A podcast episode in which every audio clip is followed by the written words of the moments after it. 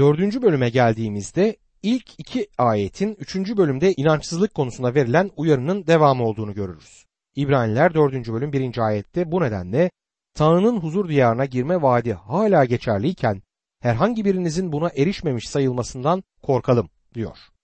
İbraniler mektubundaki ilk lıma geldik. Yani korkalımdaki lım.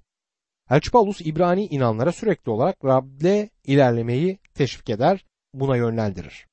Bu ilk lımdır ama mektupta bir sürü daha bunlardan var. Bu nedenle korkalım diyor. Tanrı sözünde bile hata bulmaya gönüllü bir sürü insan var ve bu sözün kutsal kitaptaki diğer sözlere tezat oluşturduğunu söyleyebilirler. Romalılar 8. bölüm 15. ayette çünkü sizi yeniden korkuya sürükleyecek kölelik ruhunu almadınız. Oğulluk ruhunu aldınız. Bu ruhla Abba Baba diye sesleniriz diyor. Elçi Paulus 2. Timoteus mektubunda 1. bölüm 7. ayette şöyle yazmıştır. Çünkü Tanrı bize korkaklık ruhu değil, güç, sevgi ve öz denetim ruhu vermiştir. Korkmanın yanlış olduğunu düşünen kişilere korkmanın yanlış olmadığını söylemek isterim.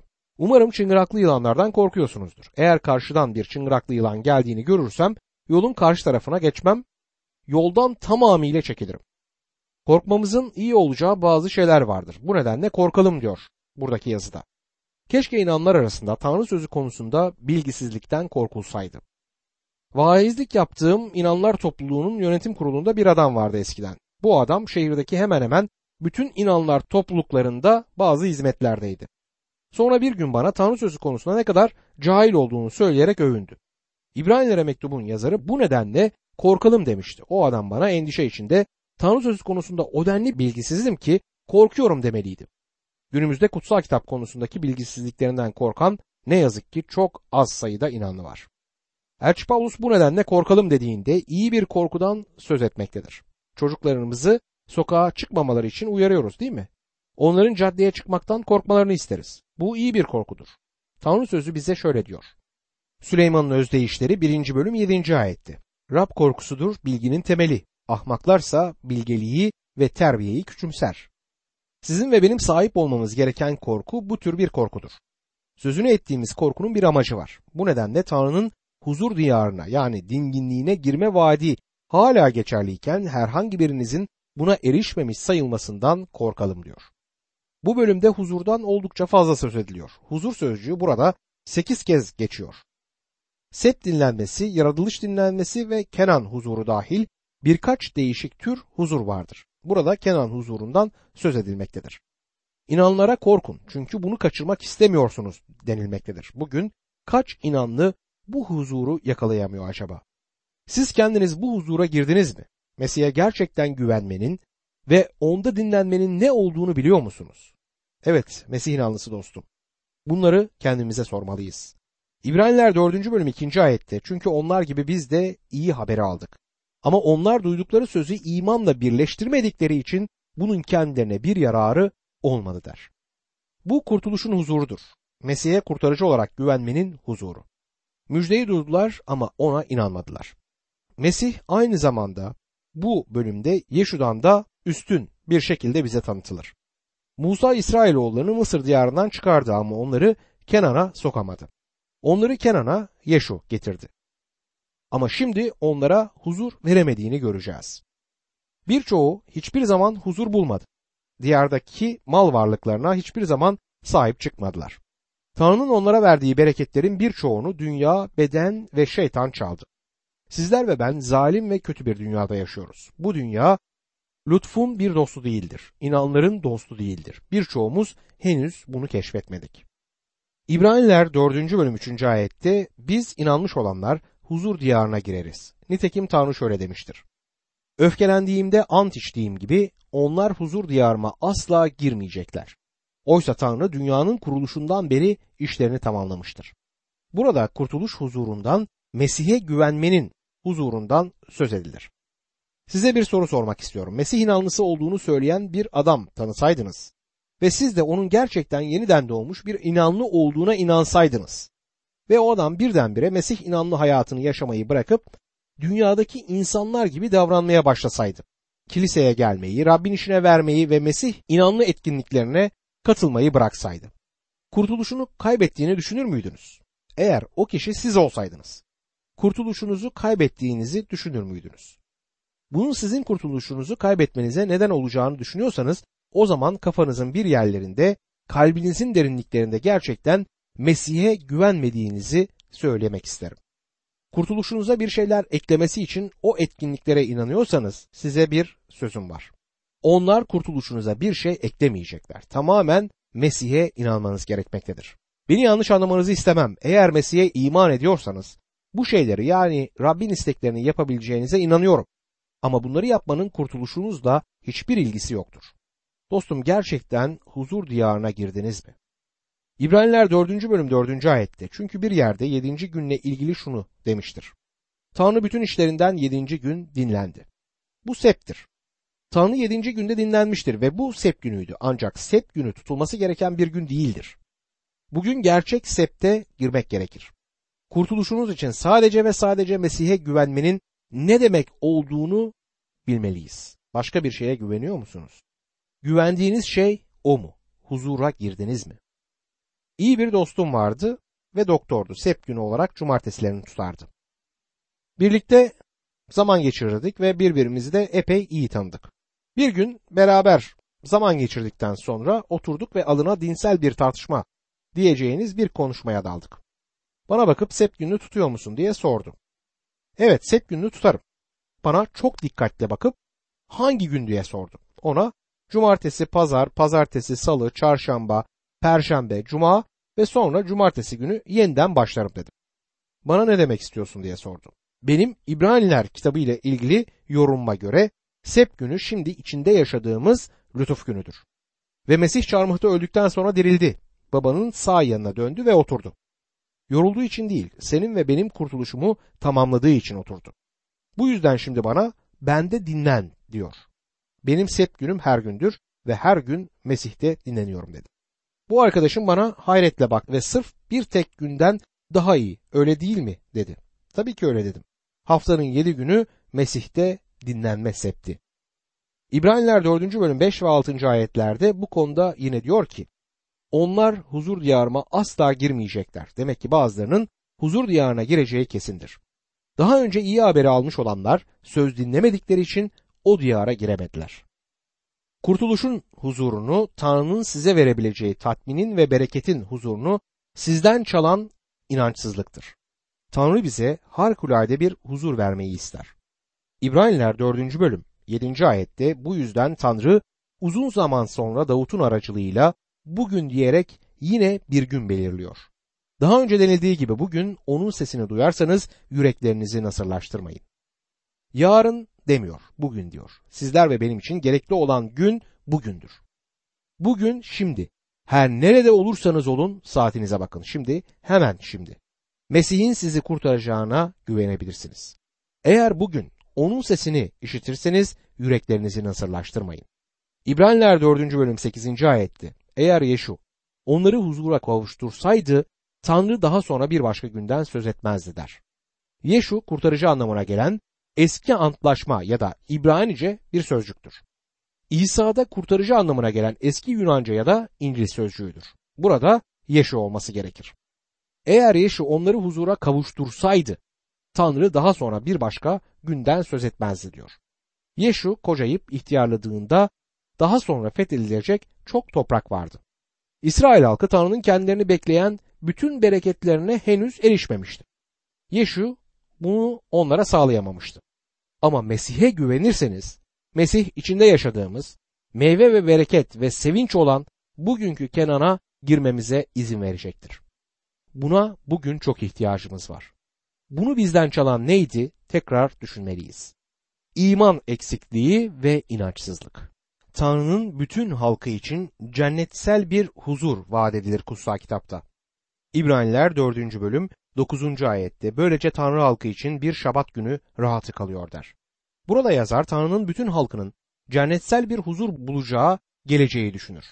Cennet derin bir tatmin, gerçek bir sevinç ve gerçek bir bereket yeri olacaktır. İşte böylece Tanrı'nın halkına bir sep günü dinlenmesi kalır. İbraniler 4. bölüm 10. ayette Tanrı işlerinden nasıl dinlendiyse onun huzur diyarına giren de kendi işlerinden öylece dinlenir der. Tanrı yedinci gün dinlendiğinde oturup of çok yoruldum. Altı gündür günde sekiz saat güneşin doğuşundan batımına kadar çalışıyorum ve bittim. Şu rahat koltuğa oturup dinleneceğim dediği gibi bir izlenim edinmemeliyiz. Dinlenme sözcüğünün ardındaki düşünce bu değildir. Buradaki düşünce tamamıyla, bütünüyle tamamlanmak ve tamamlamanın dinlenmesidir. Yaratılış bitmişti. Tanrı o zamandan beri yaratma işini yapmamıştır. Evreni için belirli sayıda atoma ihtiyacı vardı ve hepsini bir kere de yaptı.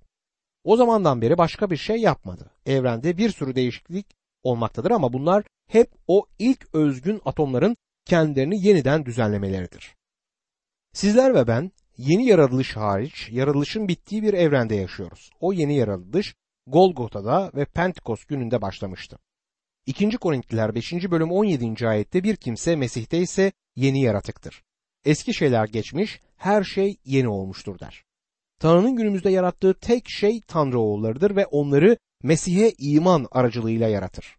Ve Tanrı'nın onlara vaat ettiği bir huzur bulunur. Tanrı cennetsel bir huzur vaat etmiştir. Ama dostum şimdi bile hayattan zevk almamızı ister. Birisinin söylediği gibi cennete kadar giden yol cennettir. Bu hayattan zevk almamız gerekiyor. Yazarın burada sözünü ettiği şey budur. Tanrı dinlendi, işlerini bıraktı ve tamamladı. Bu yüzden kurtuluşunuza katkıda bulunmak için küçük parmağınızı bile kaldırmanız gerekmez. Günahkarlar olarak bizim Tanrı'nın sen ne kadar iyi bir insansın, senin cennette olmandan ötürü çok mutluyum çünkü sen cennete büyük bir katkıda bulunacaksın diyebileceği bir şey yapabileceğimizi düşünmemiz garip bir fanteziden öteye gitmez. Dostum aslında durum hiç de böyle değil. O her şeyi bizim için yaptı. Doğruluğumuz bile onun önünde kirli bezler gibidir. Bizim doğruluğumuzu kabul etmez çünkü bizde gerçek doğruluk yoktur. Romalılar 3. bölüm 10. ayette yazılmış olduğu gibi doğru kimse yok. Tek kişi bile yok der. Bu yüzden o bize bitmiş kurtuluş sunar ve bizler Mesih'e güvendiğimizde onda yeni yaratıklar oluruz. İbraniler 4. bölüm 11. ayette bu nedenle o huzur diyarına girmeye gayret edelim. Öyle ki hiçbirimiz aynı tür söz dinlemezlikten ötürü düşmesin der. Bir Tanrı çocuğunun sahip olabileceği en üstün tatmin duygusu Tanrı'nın iradesinde olmak, Tanrı'nın işini yapmak, Tanrı'ya güvenmek ve onda dinlenmektir. Tanrı'nın sizin ve benim varmamızı istediği görkemli yer burasıdır. Meryem buraya vardı. Marta mutfakta tencereler ve tavalarla uğraşırken o İsa'nın ayaklarının dibinde oturmuştu. Marta İsa'ya hizmet etmeyi istiyordu ama gerçek huzurun ne olduğunu bilmiyordu.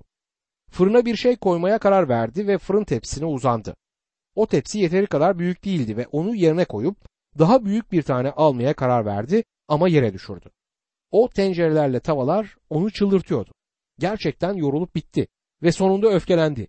Ama Meryem hiçbir şey yapmadan sadece İsa'nın ayaklarının dibinde oturuyordu. O işini zaten yapmıştı. Tatmini İsa'nın ayaklarının dibinde oturmakta bulmayı öğrenmeliyiz. O huzur diyarına girmeye gayret edelim diyor. Birisi huzura girmek için gayret mi etmeliyim diye soracaktır. Evet dostum. Bu tıpkı bunun için savaşmak zorunda kalsa bile evinde huzur olmasını isteyen İrlandalı adamın sözleri gibidir. Huzur için savaşmak mı? Evet. Keşke insanlık bu dersi öğrenseydi. Size şunu söyleyeyim. Barışa kavuşmak için savaşı kazanmamız gerekmektedir. Barışa sahip olabilmeden önce zaferi kazanmalısınız. Burada huzur diyarına girmek için gayret edelim denir.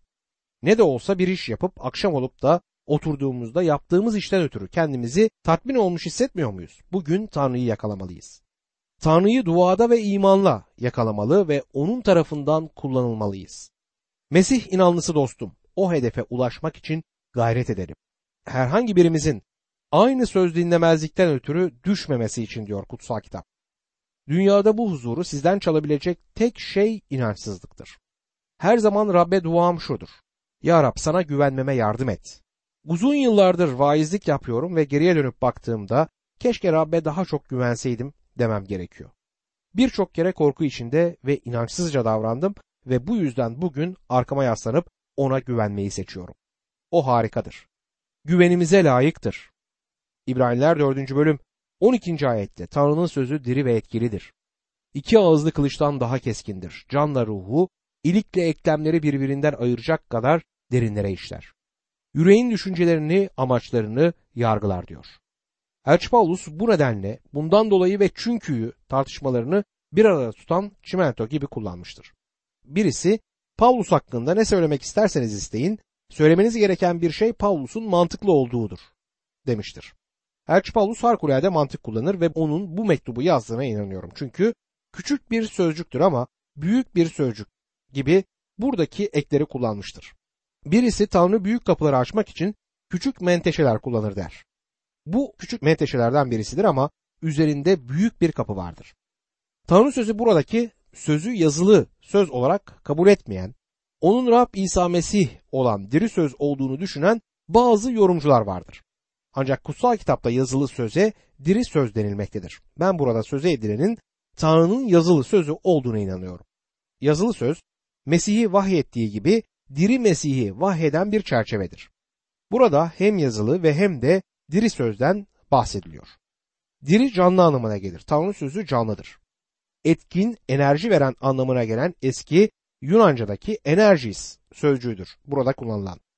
Tanrı sözü canlıdır ve enerji verir. İki ağızlı her kılıçtan keskindir. Teoloji eğitiminde bir öğretmenimiz vardı. Bir grup genç vaize Tanrı sözünü vaaz ettiğiniz zaman onun diri ve etkin olduğunu ama iki ucu keskin bir kılıç olduğunu hatırlayın. Cemaati keser ama diğer yüzü de sizi kesecektir. Bu yüzden kendinize vaaz etmediğiniz hiçbir şeyi cemaate vaaz etmeyin demişti. Vaizlik yaparken birçok kereler kendime vaaz ettiğimi gördüm. Vaaz belki de benden başka hiç kimse için değildi. Kutsal kitap yorumlarını yayınlamak için kasetler, CD'ler hazırlama konusunda bana takılan bir arkadaşım vardı. Orada çalışma odamda oturmuş kendi başına konuşuyorsun derdi. Doğrusunu isterseniz burada oturup kutsal kitabı öğretirken hep böyle olur. Kendi kendime konuşurum. Söylediklerim radyo dinleyicilerimden hiçbirine hitap etmeyebilir ama bana hitap ediyor. Tanrı sözü iki tarafa keskin bir kılıçtır. Diğer adamı kesecektir. Ama sizi ve beni de keser. Tanrı sözü iki tarafı keskin bir kılıçtır ve derinlere kadar keser. Elçi Paulus Seraniklere şöyle der. 1. Selanikliler 2. bölüm 13. ayet. Tanrı'ya sürekli şükretmemiz için bir neden daha var. Tanrı sözünü bizden duyup kabul ettiğiniz zaman bunu insan sözü olarak değil, gerçekte olduğu gibi Tanrı sözü olarak benimsediniz. Siz imanlarda etkin olan da bu sözdür. Selanikliler Tanrı sözünü sadece sıradan bir söz olarak değil, Tanrı'nın gerçek sözü olarak kabul ettiler. Elçi Paulus Tanrı sözünü verdiğinde şöyle der. 1. Korintliler 2. bölüm 4. ayetti. Sözüm ve bildirim insan bilgeliğinin ikna edici sözlerine değil, ruhun kanıtlayıcı gücüne dayanıyordu. Şimdi dinlediğiniz bu radyo yayınımızı dinleyenlerden Tanrı sözü aracılığıyla Mesih'i tanıyıp Mesih inançlarının ve duanın tadını çıkartan insanlarla görüşüyoruz, mektuplar alıyoruz. Tanrı sözünün amacı budur. Sizin ve hayatınızın üzerinde etki yaratmak. Ya Tanrı sözü sizi günahtan uzak tutar ya da günah sizi Tanrı sözünden uzak tutar diye bir söz var.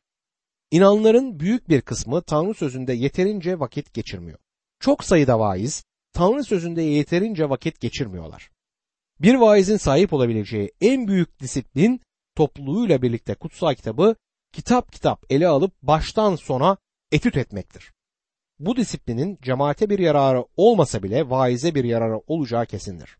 Vaiz olarak hizmet ettiğim zamanlarda toplulukla birlikte kutsal kitabı baştan sona kadar kitap kitap etüt etmeyi hep arzuladım ve bunun için adımlar attım. Bunun bana çok yararı oldu. Benim için oldukça geliştiriciydi. Tanrı sözü keskindir, diridir, etkindir ve canlıdır. Canla ruhu, iliklerle eklemleri birbirinden ayıracak kadar derinlere işler diyor kutsal kitap. İkisi arasında dahice psikolojik bir ayrım yaratarak canla ruh arasında bir ayrım yapmaya çalışan pek çok insan var. Sadece Tanrı sözünün canla ruhu ayırabileceğini biliyor musunuz?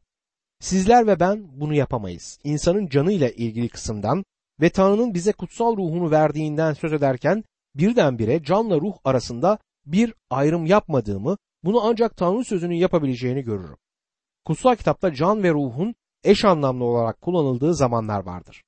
Can ve ruhun ayrı olduğu ve aynı şey olmadığının açık olduğu başka parçalarda bulunur. Sadece Tanrı sözü canı ve ruhu ayırabilir.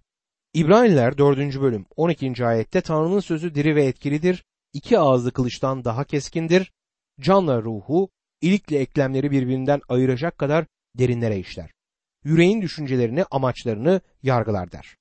Yüreğin düşüncelerini ve amaçlarını yargılar. Buradaki yargılar sözcüğü aslında eleştirme anlamına gelir.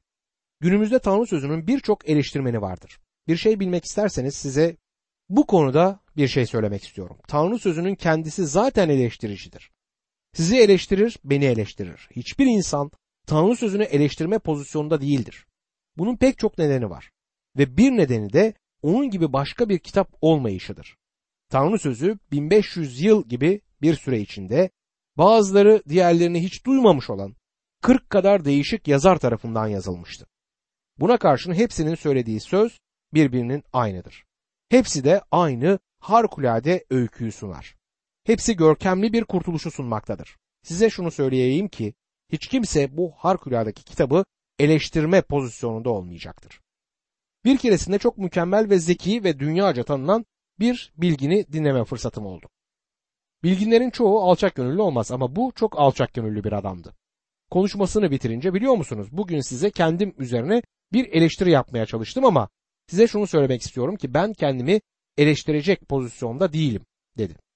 Bunu söylemek alçak gönüllülük gerektirmişti. Aynı şekilde hiçbirimiz kutsal kitabı eleştiremeyiz dostum. Gerçekten de bu kitabı eleştirecek kadar çok şey bilmiyoruz. Ama bu kitap kesinlikle bizi eleştirecek kapasiteye sahip. Bugün insanları Mesih'ten uzak tutan günahtır. İnsanları Tanrı'dan uzak tutan kafada var olan entelektüel sorunlar değil, yürekteki günah sorunudur. Yüreğin düşüncelerini ve amaçlarını yargılar yani eleştirir diyor kutsal kitap için. Aslında kutsal kitap öncelikle yapılan hareketleri ele almaz. Elin yaptığı şey yürekten ötürüdür. Elin hareketi önce yürekte gerçekleşmiştir. Bu yüzden Tanrı sözü derinlere inip yüreği ele alır. Rab İsa Matta 15. bölüm 19. ayette çünkü kötü düşünceler, cinayet, zina, fuhuş, hırsızlık, yalan yere tanıklık ve iftira hep yürekten kaynaklanır der. Bu gerçekten kirli bir listedir ama sizin ve benim yüreğimde olan şeyler bunlardır. Yeremya 17. bölüm 9. ayette yürek her şeyden daha aldatıcıdır, iyileşmez. Onu kim anlayabilir diye sorar. Kimse anlayamaz ama Tanrı anlar. Tanrı sözü derinlere inip yüreklerimizin köşe bucağını ele alır. Bizim için gerçekten önemli olan şeyler düzeyinde bize hitap etmektedir. İbraniler 4. bölüm 13. ayette Tanrı'nın görmediği hiçbir yaratık yoktur. Kendisine hesap vereceğimiz Tanrı'nın gözü önünde her şey çıplak ve açıktır der. Tanrı'dan hiçbir şey saklayamazsınız. Genç bir Mesih inanlısı iken Tanrı'ya hayatımdaki her şeyi hatta planlarımı bile bildireceğim kandırmacasıyla çalıştım. Bana belirli şeyler vermesi, benim için belirli şeyler yapması için dua ederdim ama ona hiçbir zaman motivasyonlarımı, hayallerimi bildirmezdim. Duanın bu şekilde kulağa daha hoş geldiğini düşündüm. Doğrusunu isterseniz ona motivasyonumu söylemem gerekmiyordu çünkü o zaten başından beri benim isteklerimi biliyordu. Yüreğin düşüncelerini bilen odur ve her şey ona açıktır. Dostum sizin hayatınız onun için açık bir kitaptır. İnsanlar bana ona her şeyi itiraf etmemiz gerektiğini düşünüyor musun diye soruyorlar. Tabii ki. O zaten sizi biliyor. Ona her şeyi anlatabilirsiniz diyorum.